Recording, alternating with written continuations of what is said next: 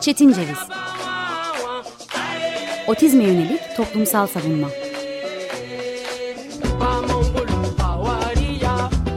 Hazırlayan ve sunan Deniz Yazgan. Zorlu Holding Sürdürülebilirlik Platformu Akıllı Hayat 2030, herkes için daha yaşanabilir bir dünya diler. Merhabalar, 95.0 Açık Radyo'ya uzaklardan bağlanmaya devam ediyoruz. Ben Deniz Yazgan, bugün 30 Haziran 2021 Çarşamba.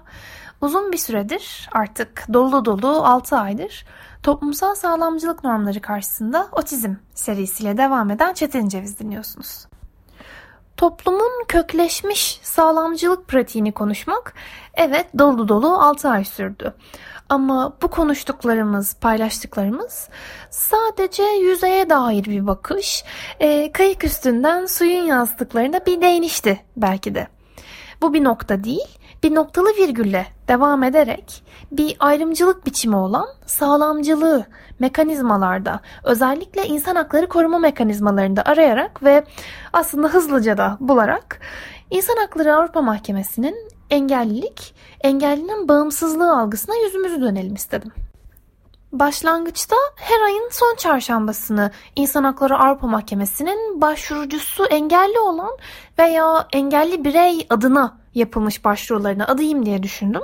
Ama böyle düşünsem de e, İHAM diye kısaltmayı tercih ettiğim İnsan Hakları Avrupa Mahkemesi'nin Kararlar Bilgi Bankası HUDOK'taki gezinti çok çok çok uzun sürünce birden fazla tematik alanda birden fazla jenerik hakta verilmiş ihlal veya kabul edilemezlik kararlarını barındırınca Strasbourg'un engellilik algısına yeni serimiz ilan etmeye karar verdim. Benim iş dünyamdaki süreç böyleydi. Artık e, İHAM diye dediğim gibi kısaltmayı tercih ettiğim İnsan Hakları Avrupa Mahkemesi'nin İnsan Hakları Avrupa Sözleşmesi'nin yapılanmasındaki sürece geçelim isterim. İHAM'ın kökleşmiş iştihatları İHAS'ın yani İnsan Hakları Avrupa Sözleşmesi'nin günün koşulları ışığında yorumlanması gereken yaşayan bir belge olduğunu belirtiyor. Yani günün, güncelin, biriken entelektin, araştırmaların, araştırmaların sonuçlarının, yaşamın ve yaşamdan doğan hakların, kısacası ve bu kökleşmiş içtihatların kendisine dönmek gerekirse, yaşayanlığın getirdiği şekilde hakları düzenleyen maddelerin e, sözcüklerinin yeni anlamlar kazanabileceği, eski anlamlarını güçlendirici ve hemen bu eskiliğinden arınacağı şekilde algılıyor İHAM bu içtihatlarıyla İHA'sı.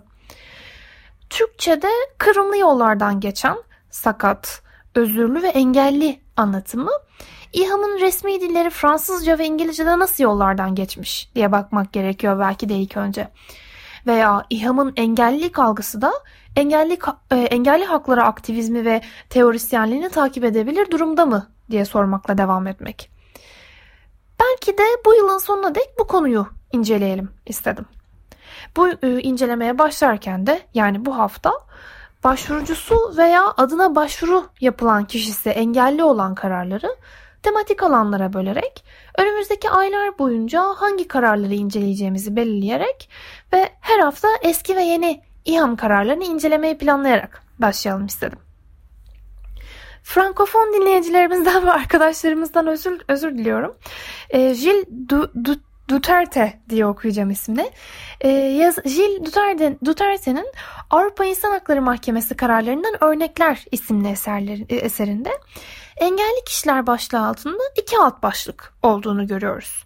E, herhangi bir vatandaşın bir arama motoruna Avrupa İnsan Hakları Mahkemesi diye yazdığında karşısına çıkan artık ilk kaynaklardan bir tanesi olduğunu söylemek mümkün bu 564 sayfalık eserin. Ee, yazar iki başlık altında, iki alt başlık altında inceliyor dediğim gibi. İnsanlık dışı veya onur kırıcı muamele ve psikiyatri hastanelerinde tutulan hastalar ve onur kırıcı muamele ve kişiliğe saygı gösterilmemesi. Bu iki başlık ve bu durum yalnızca yazarın engelli haklarına başlık ayırmaktaki cimriliğinden kaynaklanmıyor. E, açıkça söylemek gerekir ki İHAM engelliye yönelik bağımsızlığı ve genel olarak engelli haklarını mefhum muhalifinden yorumlamayı ne kadar kişinin bağımlı kılındığında, engelli kişinin bağımlı kılındığında, kılındığına veya haklarından mahrum edilebilirliğindeki sınırları kapsamında yorumluyor. Evet bir bakıma bu doğru. Doğru kararların verildiği kapsamda bu doğru. Çünkü herhangi bir mahkemeden e, başvuru konusunu oluşturan somut olaydan e, tamamen ayrıksı bir genel özgürlük betimlemesi yapması beklenemeyebilir, beklenmez. E, ve fakat haklar da yalnızca sınırlanabilirliğiyle, sınırlandırılabilirliğiyle e, söz gelimi İHA'sın jenerik haklarında olduğu gibi ikinci fıkralardaki sınırları e, kapsamında, sınırlama nedenleri kapsamında yorumlanamaz. Evet, e, başvuru konusunu oluşturan e, somut olaydan ayrıksı bir özgürlük tanımlaması yapması mümkün değildir. Ama İHA'mın kökleşmiş içtihatlarında ifade özgürlüğünün ne demek olduğunu, e, yaşam hakkının ne demek olduğuna yönelik nitelikli betimlemelerinde var olduğunu biliyoruz. Peki ama e, İHA'mı karar atfı yapmadan hemen eleştirmeye başlamak ne kadar doğru bir yöntem diye sorarsak kesinlikle doğru bir yöntem değil. Ama bu sözlerimi geri almadan da olsa ilk önce engellilik dendiğinde İHA'mda yanan ışıklardan söz ederek başlamak mümkün belki de.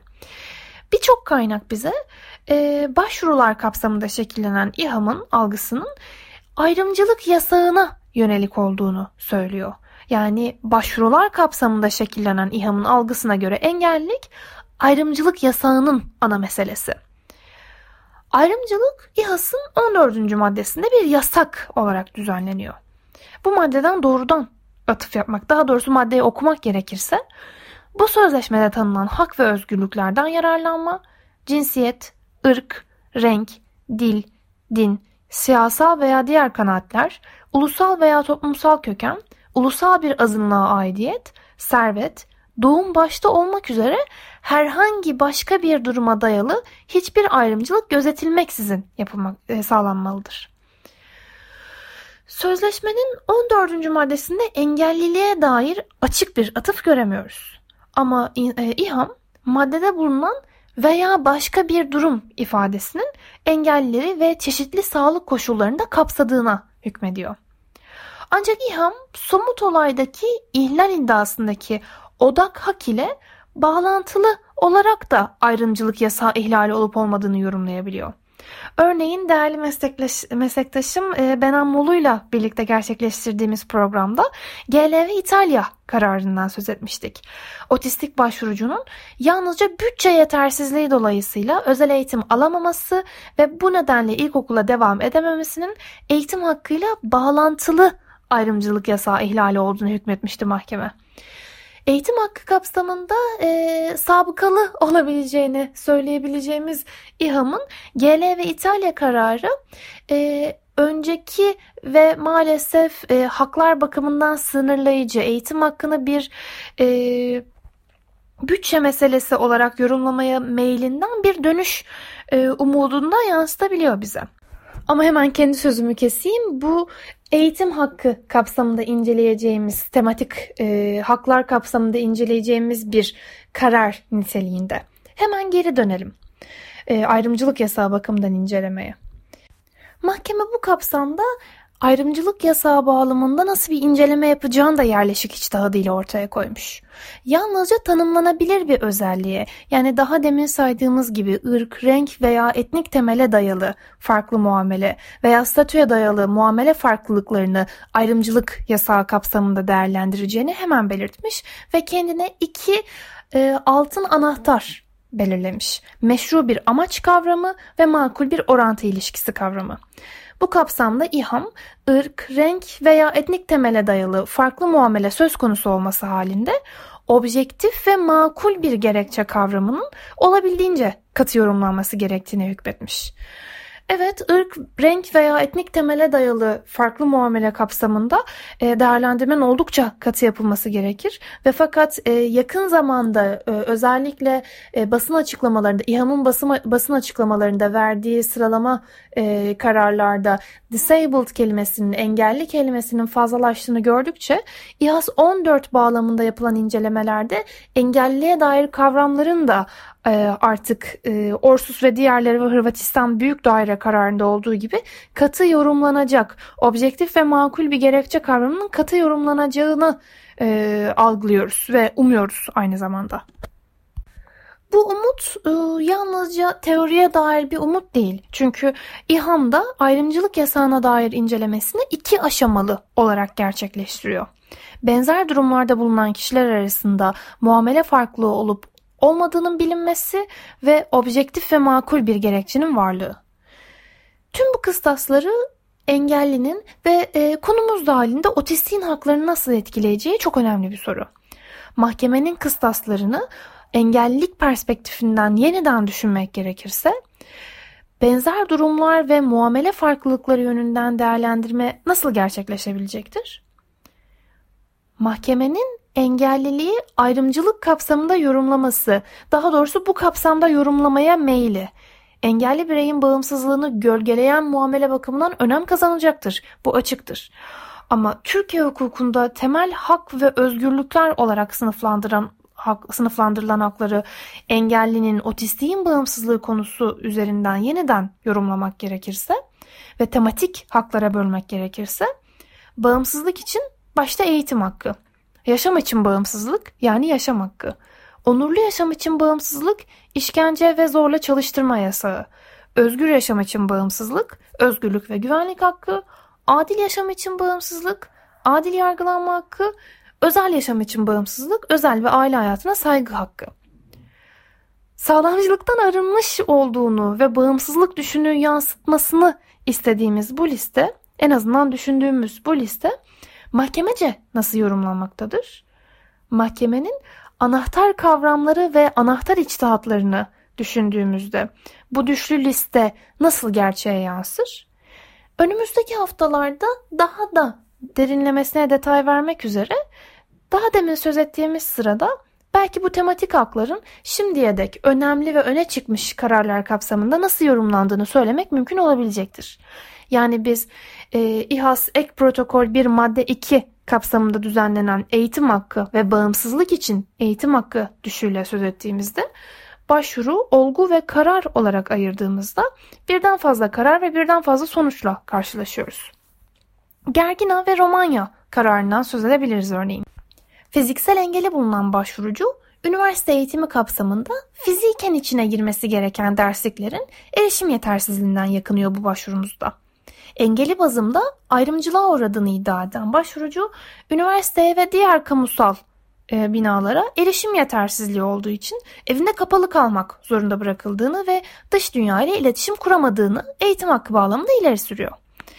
Bu nitelik e, bu kapsamda kararın iç hukuk yollarının tüketilmemesi dolayısıyla kabul, edeme, kabul edilemezlikle sonuçlandığını görüyoruz. Sanlısoy ve Türkiye başvurusunda 7 yaşındaki otistik, otistik başvurucunun özel okula kabul edilmemesinin eğitim hakkını ayrımcılık bağlamında ihlal ettiği ileri sürülüyor. Ve bu kapsamda yine ayrıksı bir kabul edilemezlik kararı var. Dupan ve Fransa kararına baktığımızda otistik bir çocuğun annesi olan başvurucu çocuğunun örgün eğitime katılmasının yetkililerce engellendiğini ve devletin engelli çocuklar için gerekli önlemleri alma yönündeki pozitif yükümlülüğünü yerine getirmediğini, devletin otistik çocuklara ayırdığı özel kaynakların yetersiz olduğunu iddia etmiş. Bu kapsamda daha demin de söz ettiğimiz gibi GL ve İtalya kararından da söz ettiğimiz gibi eğitim hakkının bir kaynak e, sorunu ve iç hukuku derinden ilgilendiren bir mesele olduğu e, yönünde e, ısrarını sürdürmüş vaziyette özellikle son e, 15 yılda mahkeme. Bu kapsamda da ayrı bir kabul edilemezlik kararıyla karşı karşıyayız.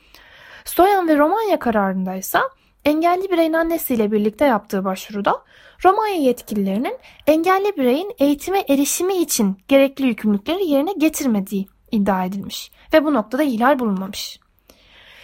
Türkiye için ve aslına bakarsak İHAM için de anahtar içtihatlardan bir tanesi olan Enver Şahin ve Türkiye kararından söz etmemiz gerekirse paraplejik üniversite öğrencisinin derslik ve birimlere fiziken erişememesine konu olan başvuruda erişim sağlanmadığı için eğitimini yarıda kesmek zorunda olmaktan yakınan bir başvurucu var.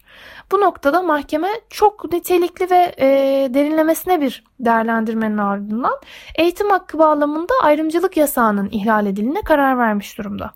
Belki de Enver Şahin ve Türkiye kararı e, bu kapsamda tematik incelemelerimiz içerisinde bulunur ve bir e, konuğumuzun kulak misafirliğinde bu konuyu ayrıca ele alabiliriz. Bu kapsamda e, Charles ve diğerleri ve Fransa kararındaki ben, benzer özelliklerden sonra verilmiş iç hukuk yollarının tüketilmemesi e, kapsamında kabul edilemezlik kararı e, ardından Çam ve Türkiye e, kapsamında Enver Şahin ve Türkiye kararına benzer e, hatta Çam ve Türkiye kararı daha önce e, benzer kararın verilmiş olması bizler için umut verici ve fakat halen ve halen eğitim hakkı e, söz konusu olduğunda İHA'nın mütereddit olduğunu söylemek mümkün. İHAS 2 ve İHAS 3 yaşam hakkı ve e, işkence ve zorla çalıştırma yasağı bağlamında yapılan incelemelerde belki yaşam hakkını bir sonraki programımıza devrederek İHAS 3 e, ihlallerinden söz etmek mümkün. E, daha demin söylediğimiz gibi e, Ahim kararlarından örnekler adlı eserdeki başlıklardan bir tanesinde oluşturan e, bu nitelik işkence yasağını engelliler açısından incelediğinde mahkemenin e, bir yerde engeli bağlamında görmesi gereken e, daha doğrusu ihtiyaç duyduğu e, metalara veya hizmete erişememesinden kaynaklı olduğunu söylemek mümkün ve e, İHAS 3 yani işkence yasağı içtihadının daha umut verici olduğunu söylemek mümkün. Price ve Birleşik Karar, Krallık kararını örneklendirebiliriz. Talidomit ilacı mağduru ve böbrek yetmezliği hastası kadın başvurucunun bu e, yargılama sonucu tazik hapis cezasına çarptırıldığı, bir gece polis nezaretinde kaldıktan sonra nezarethanenin soğuk olduğundan, yatakların kendi e, tekerlekli sandalyesiyle uyumlu olmamasından ve nezarethanede e, iki gün kalırken tuvaleti kullanmak için kadın infaz memurunun desteğini istemesine rağmen erkek infaz memurlarının desteğini alabildiğini ve bu kapsamda e, İHAS 3 ihlali olduğunu iddia eden başvurucunun der, e, bu başvurusu yine nitelikli bir vaziyette değerlendirilmiş ve İHAS 3 ihlali olduğuna karar verilmiş. Aynı şekilde paraplajik olan bir başka başvurucu Vincent ve Fransa kararında e, da İHAS 3 ihlali karar verildiğini görüyoruz. Bununla beraber dediğimiz gibi e, Asalya ve Türkiye kararının Türkiye açısından e, ön plana çıktığını, Filistinli paraplejik başvurucunun geri gönderilmek üzere tutulu bulunduğu Kumkapı Yabancılar Şube Müdürlüğü'nün koşullarından, örneğin asansör, lift veya uygun tuvaletinin e, tuvaletin bulunmamasından yakındığını ve bu kapsamda bu uygulamanın veya uygulama eksikliğinin de işkence yasağı ihlali olarak belirlendiğini söylemek mümkün. İşkence yasağını tematik olarak incelediğimizde ZH ve Macaristan, Arıtyunyan ve Rusya, e, Grimailovs ve Letonya, e, Semikoştov ve Rusya kararlarından da söz edeceğimizi belirtmek isterim. İHA'mın özellikle tutulu veya tutuklu bulunan özgürlüğünden yoksun bırakılmış kişilere, engellilere yönelik kararlarının çok çok değerli olduğunu ve ayrıksı ve derinlemesine bir incelemeye muhtaç olduğunu düşünüyorum. Özgür yaşam için bağımsızlık dediğimizde özgürlük ve güvenlik hakkı yani bu kapsamda İnsan Hakları Avrupa Sözleşmesi'nin 5. maddesi dediğimizde de ayrıksı incelemelerin bulunduğunu görüyoruz. İki tanesinden örnek vermek gerekirse HL ve Birleşik Krallık kararında sözel olmayan ve kısıtlı algılama yetkisi, e, yetisi bulunan otistik başvurucunun gündüz bakım merkezinde kendine zarar vermeye başlamış ve yoğun davranışsal birimi bulunan bir hastaneye gayri resmi olarak hasta statüsüyle sevk edilmiş olduğunu iddia ettiğini görüyoruz. Başvurucu hastaneye yatırılışının bir tutma hali olduğunu ve hukuka ve İHAS 5'e aykırı olduğunu iddia etmiş. Bu noktada HL ve Birleşik Krallık kararının özellikle otiztik hakları kapsamında da ayrıksı bir öneme sahip olduğunu ve 2004 yılında verilmiş bir karar olması gereği 17 e, yıllık süreçte otizm camiasınca e, özellikle mapus otistikler için önem arz ettiğini düşünüyorum. Çünkü mahkeme 5-1 yani özgürlük ve güvenlik hakkı kapsamında 5-1 ve tutulma işleminin yasaya uygunluğu hakkında kısa bir süre içerisinde karar verilmemesi kapsamında 5-4 5. maddenin 4. fıkrası kapsamında da bir ihlal kararı vermiş durumda. E, tematik incelememizde sıra İHAS 5'e yani özgürlük ve güvenlik hakkına geldiğinde mutlaka daha derinlemesine ele almak istediğim bir karar. Bununla beraber Stane ve Bulgaristan kararından nispeten daha yakın tarihli 2012 yılında verilmiş bir karar olan Stane ve Bulgaristan kararından söz etmek mümkün. Her ne kadar karar yakın zamanda verilmiş olsa bile e, olaylar 2000 yılında e, başlamış ve devam etmiş olaylar. 2000 yılında başvurucunun iki akrabasının istemi ve şizofren olduğu iddiası ile kısmen vesayet altına alınan başvurucu 2002 yılında istemi dışında bir bakım merkezine yerleştirilmiş olmaktan yakınıyor. Başvurucu hukuka aykırı ve keyfi olarak özgürlüğünden mahrum bırakıldığını ve bu durumu sonlandırmak için Bulgaristan hukuku kapsamında etkin bir başvuru yolu olmadığını iddia etmiş ve daha demin e, söz ettiğimiz gibi e, özgürlük ve güvenlik hakkı ve e, kısa bir süre içinde karar verilmemesi yönünde ihlal kararı almış. Adil yaşam için bağımsızlıktan söz ettiğimizde karşımıza adil yargılanma hakkı ve bu kapsamda İnsan Hakları Avrupa Sözleşmesi'nin 6. maddesi çıkıyor. Blokin ve Rusya kararının belki de e, önemli bir karar olduğunu, e, başvurucunun 12 yaşındaki mental ve nörodavranışsal bozukluğa sahip çocuğunun ıslah evinde 30 günlük hapis cezasına çarptırılmasından yakındığını görüyoruz. Başvurucu hem velisi olmadan polis tarafından sorgulandığı hem de aleyhine beyanda bulunan tanıklara e, çapraz sorgu yapılmasına izin verilmediği için yargılamanın adil olmadığından yakınıyor ve bu kapsamda İHAS 6, e, İHAS 3 ve 5 yani adil yargılanma hakkı, işkence yasağı ve özgürlük ve güvenlik hakkı kapsamında ihlal kararıyla karşılaşıyoruz. Peki ya özel yaşam için bağımsızlık, özel ve aile hayatına saygı hakkı yani İnsan Hakları Avrupa Sözleşmesi'nin 8. maddesi dendiğinde aklımıza ne geliyor? E, bu noktada e, belki de açıkça söylemek gerekir ki özel ve aile hayatına saygı hakkı da e, engellinin bağımlılığı üzerinden yorumlanıyor demek mümkün. E, ve ayrıksı bir konu olarak fiziksel engeli bulunan başvurucuların yaptığı başvurularda e, İHA'mın sistematik olarak konu bakımından yetkisiz olduğunu söylediğini ve bu kapsamda kabul edilemezlik kararı verdiğini söylemek de mümkün. Örneğin Gleizen ve İsviçre kararında paraplejik başvurucunun tekerlekli sandalyesiyle e, yaşadığı il olan Cenevre'de bulunan sinema salonlarına giremeyişinden yakınmasını mahkeme konu bakımından kabul edilemezlikle değerlendiriyor. E, ayrıca bir başvuru olan Botta ve İtalya kararında fiziksel engelli başvurucunun fiziksel engelli arkadaşıyla İtalya'da deniz kıyısında bulunan bir tatil köyüne gittiğinde yıkanmaya yönelik ekipmanın kendisine uygun olmadığını ve fiziksel engellerin plaja ve denize erişimi bulunmadığını öğrendiğinde İHA 8 bakımından yaptığı başvuruda da aynı şekilde konu bakımından kabul edilemezlikle karşı karşıya kaldığını söylemek mümkün. Bu oldukça hızlı ve aslına bakarsak hangi kararın tam olarak ne dediğinden yalnızca küçük bir haberdarlık sağlayan özetin ardından belki de yalnızca e, her zaman e, gündeme gelen ve dediğimiz gibi sıralanan jenerik haklardan değil, evlenme hakkından, oy hakkından da ileriki programlarımızda ayrıksı olarak e, söz etmek daha iyi olacaktır. Bu bahsi bir sonraki, birden sonraki programların e, içeriğine emanet ederek aslında bu yukarıda atfı yapılan tüm kararları e, bir solukta tekrar değerlendirmek gerekebilir.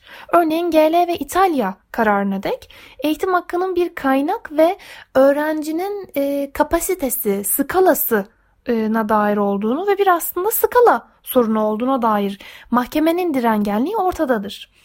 Engelli çocuğun tek bir okula kaydedilmemesini hakka erişimde aksaklık olarak öngörmemektedir hala mahkeme.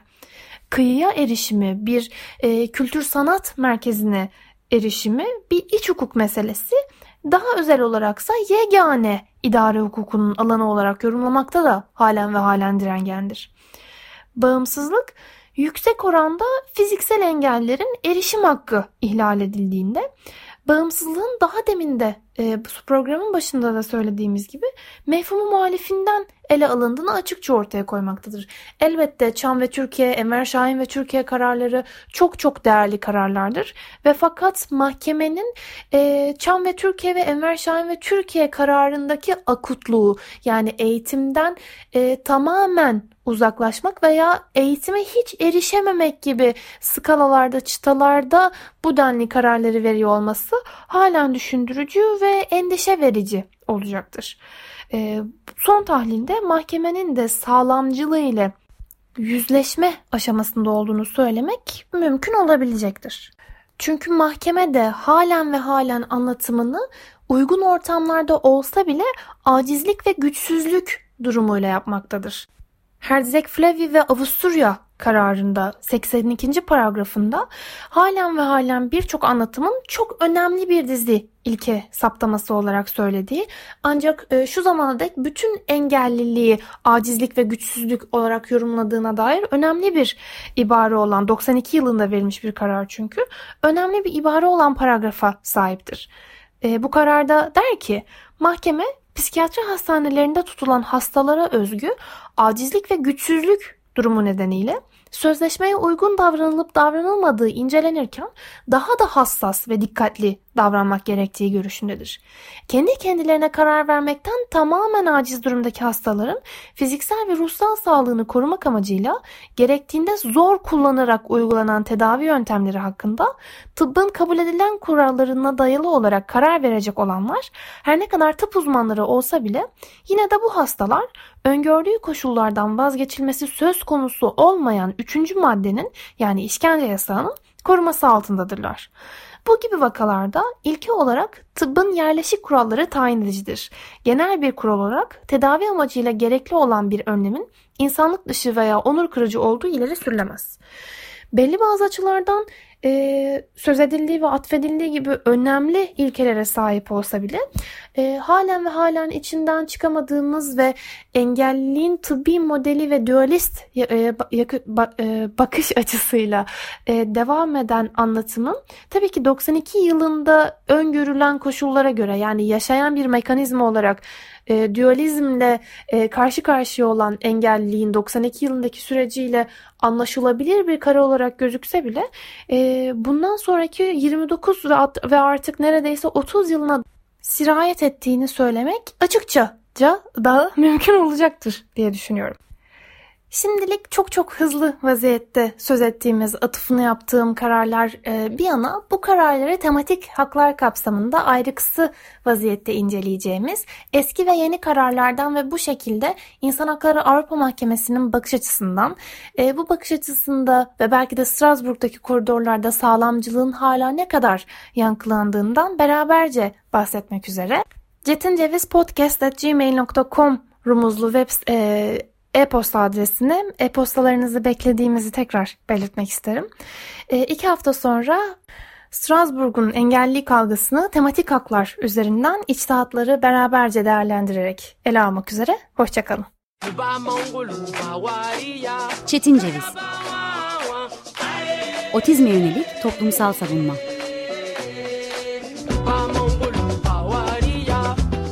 Hazırlayan ve sunan Deniz Yazgar Zorlu Holding Sürdürülebilirlik Platformu Akıllı Hayat 2030 sundu.